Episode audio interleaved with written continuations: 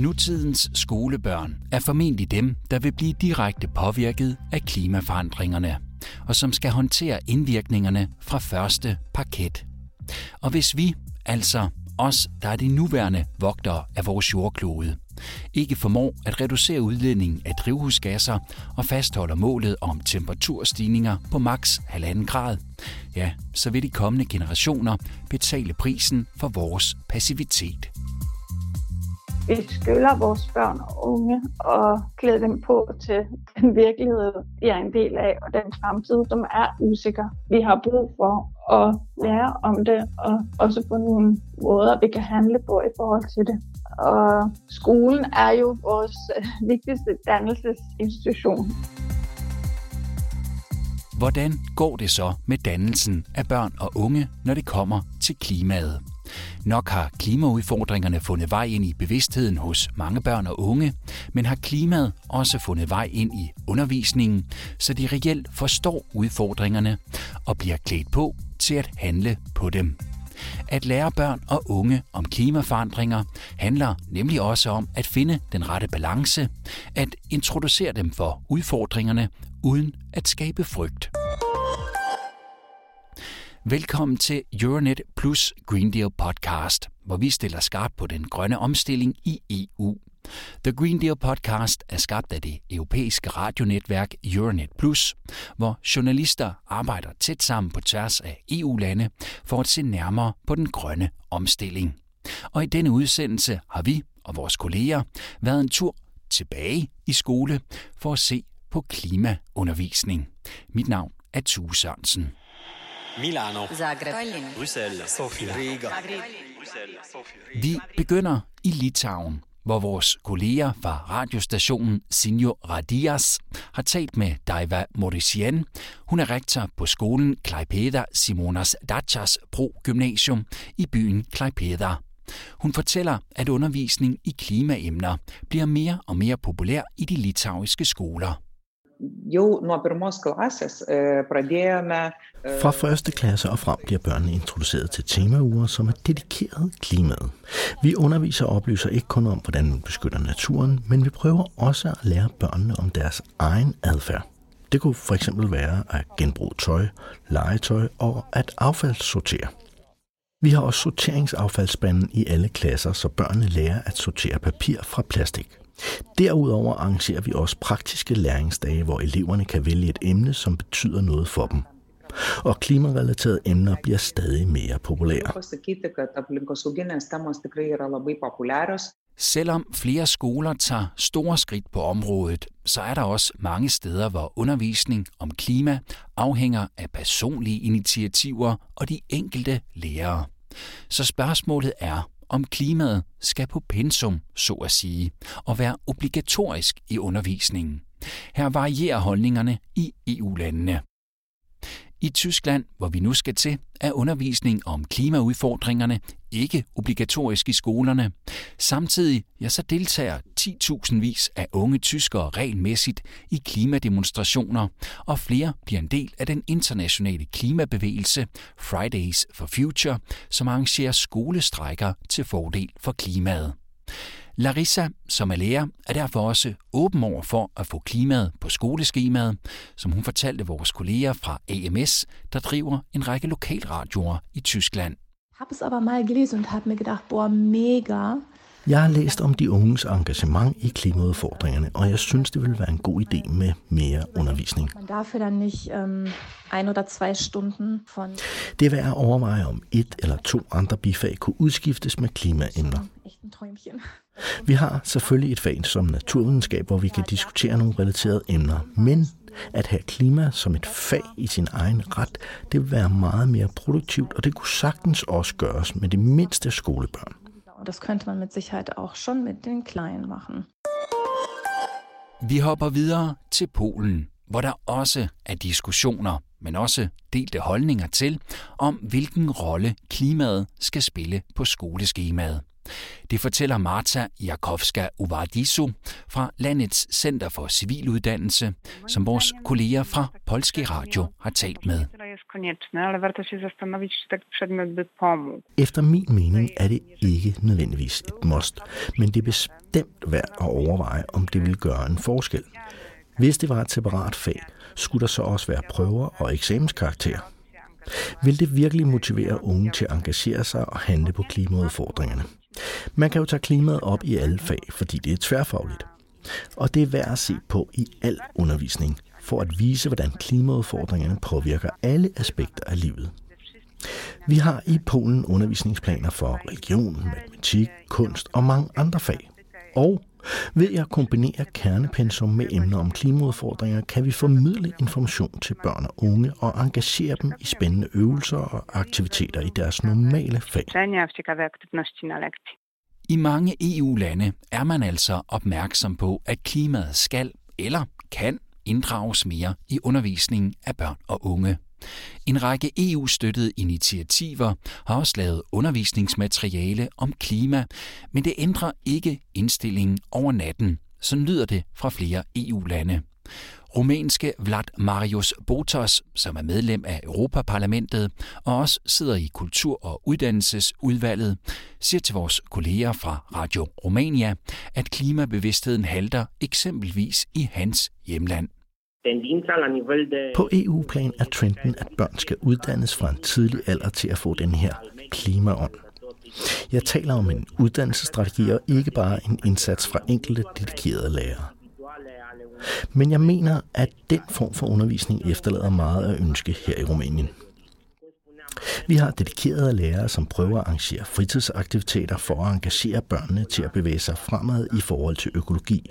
Men vi har stadig lang vej til, at der bliver en egentlig strategisk plan i undervisningssystemet. Det første skridt mod en forbedring er, som du nok ved, opmærksomhed på udfordringen. Men ifølge Vlad Marius Botas kan klimadannelse ikke løse udfordringerne alene. Jeg tror egentlig, at unge rumænere forstår både årsagerne til og virkningerne af klimaforandringer. Men problemet er, at mange ikke forstår, hvad det i virkeligheden kræver af os hver især at gøre noget ved det. Hvilken indsats hver virksomhed eller politisk styre skal gøre for at skabe en forandring, især den økonomiske investering, som det kræver. Jeg er overbevist om, at vi kan nå målene i Paris klimaaftalen, men det kræver politisk vilje på alle niveauer at man er åben over for innovative løsninger og politiske beslutninger, som virkelig støtter de nye sektorer inden for den grønne økonomi. Vi skal selvfølgelig også en tur forbi klimaundervisning her i Danmark. I lighed med både Rumænien og andre EU-lande, så har danske børn og unge fået større interesse for og også viden om klimaudfordringerne. Men de mangler viden om handlemuligheder. Sådan lyder det fra Klimaambassaden, som er en del af den grønne tænketank Concito, og hvor de arbejder med forskellige undervisningsprojekter om klima og bæredygtighed, der er målrettet folkeskolen og ungdomsuddannelserne. Her er Synøve Kjærland, programchef. Den viden, de har om handlemuligheder, eller hvordan man kan løse det, det er måske lidt mere diffust. De kender udfordringen, de fleste elever, de har hørt om det, men det der med at så komme lidt dybere og forstå det, og også forstå, hvordan det påvirker vores liv og hverdag, sådan helt konkret, og også hvad man kan gøre for at løse det. Det ved de ikke så meget om. Og jeg oplever også, at der er en del myter i forhold til det. Der er mange, der tror, at for at være klimavenlig, skal man købe nogle særlige ting. Så jeg synes, vidensniveauet er højere, men behovet for viden og undervisning er også noget, der bliver efterlyst mere og mere. Både fra eleverne, men også fra mange lærere. Men de føler måske ikke, de har rammerne til og tiden til at sætte sig ind i øh, et ret komplekst område, så hvor der hele tiden kommer nye, ny viden til og nye løsninger til. Ifølge Synøve Kjærland, så har børn og unge krav på klimaundervisning, og det bør være en obligatorisk del af undervisningen. Man kan allerede i dag, og det bliver også gjort, integrere klimaemner i de eksisterende fag. Men det skal ske i langt højere grad og også i flere fag, ligesom skolerne også har brug for nogle bredere rammer, så der er plads til nye undervisningsformer. Det vil være vigtigt at også få det integreret bredere, og også koble øh, de humanistiske fag på sprogfagene, også de kreative fag tættere på, fordi det netop er så mange aspekter af vores liv, der bliver berørt af den her omstilling, vi skal igennem. Det er vigtigt, at læreruddannelserne har fokus på det. Øh, kommunerne har mere og mere fokus på det. Så der er nogle strukturelle ting, som sker i dag, som giver mig håb for, at rammerne for undervisningen bliver bedre, end de er i dag. For det vi kan se i dag, det er, at der er ikke så meget tid til at lave de af projekter og forløb, som måske er dem, som er bedst for eleverne, som opleves mest motiverende.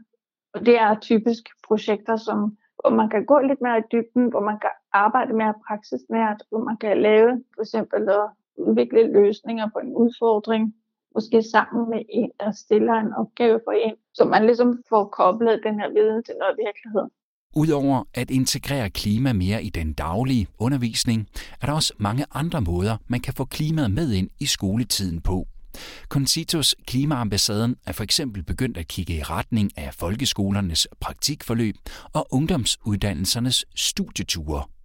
Derfor så har vi faciliteret nogle forskellige workshops, hvor vi sammen har arbejdet om at lave en mere klimavenlig eller bæredygtig eller grøn studietur, Og vi selvfølgelig anerkender, at der er rigtig mange forskellige forventninger og drømme omkring det der med at tage på studietur, men også snakker om, hvordan man kan gøre det på en anden måde, som kan være lidt så fed, at øh, man finder ud af, at den togtur var mega fed i forhold til at lære hinanden både at kende på turen. Man oplevede nogle andre ting på rejsen. Øh, det kan også godt være, at man besøgt nogle lidt andre steder, end det man normalt gjorde. Øh, vi har også et andet projekt, som vi kalder klimapraktik, hvor vi arbejder med 7. og 8. klasse elever, og hvor de kommer i praktik hos os, hvor vi for eksempel arbejder med klima og fødevare med en klasse, hvor møder de en masse forskellige aktører, som arbejder med det i praksis. Det kan være en kok, som arbejder med at lave mere bæredygtige menuer i sin uh, restaurant eller en kantine. Det kan være en landmand eller landkvinde, der har fokus på bæredygtighed i produktionen. Det kan være en, der sidder og er iværksætter, som uh, laver plantebaseret fast food for eksempel, Klimaambassaden er også begyndt at samarbejde med 20 danske kommuner. Det skal i sidste ende gøre det nemmere for lærere at finde frem til konkrete muligheder for at lave mere praksis og virkelighedsnær klimaundervisning. Alt sammen for at klæde børn og unge bedre på til en fremtid med fokus på klima. Og dermed kan de unge få håb frem for frygt, når det handler om klimaforandringerne, forklarer Synøve Kjærland. Når de arbejder med, med klimabæredygtighed, og de ligesom får nogle handlemuligheder, og de kan gøre noget lidt mere praktisk, og de kan arbejde med en udfordring, de kan løse, så bliver den bekymring måske overdøvet af motivation. Det er i hvert fald det, en af vores elever, vi arbejder med på et tidspunkt, hun sagde helt direkte, når jeg handler, så bekymrer jeg mig mindre. Der er altså stadig en del arbejde at gøre, inden at klimaudfordringerne er en integreret og formel del af snakken i de europæiske klasseværelser. Men det står klart, at skolerne, og ikke mindst lærerne, har en vital rolle i at forme elevernes bevidsthed, når det kommer til klimaet. Måske i den erkendelse valgte EU i 2021 at afholde den første årlige Climate Education Day. Formålet med dagen er at motivere lærere, men også elever og andre interessenter i alle EU-lande til at dele erfaringer, oplevelser og skabe netværk. Med det sætter vi et punktum for denne episode. Du har lyttet til The Green Deal podcast. Podcasten er produceret af Podpeople for Euronet Plus. Torsten Spis er redaktør. Nikolaj Tvinge har tilrettelagt, og mit navn af Tue Sørensen.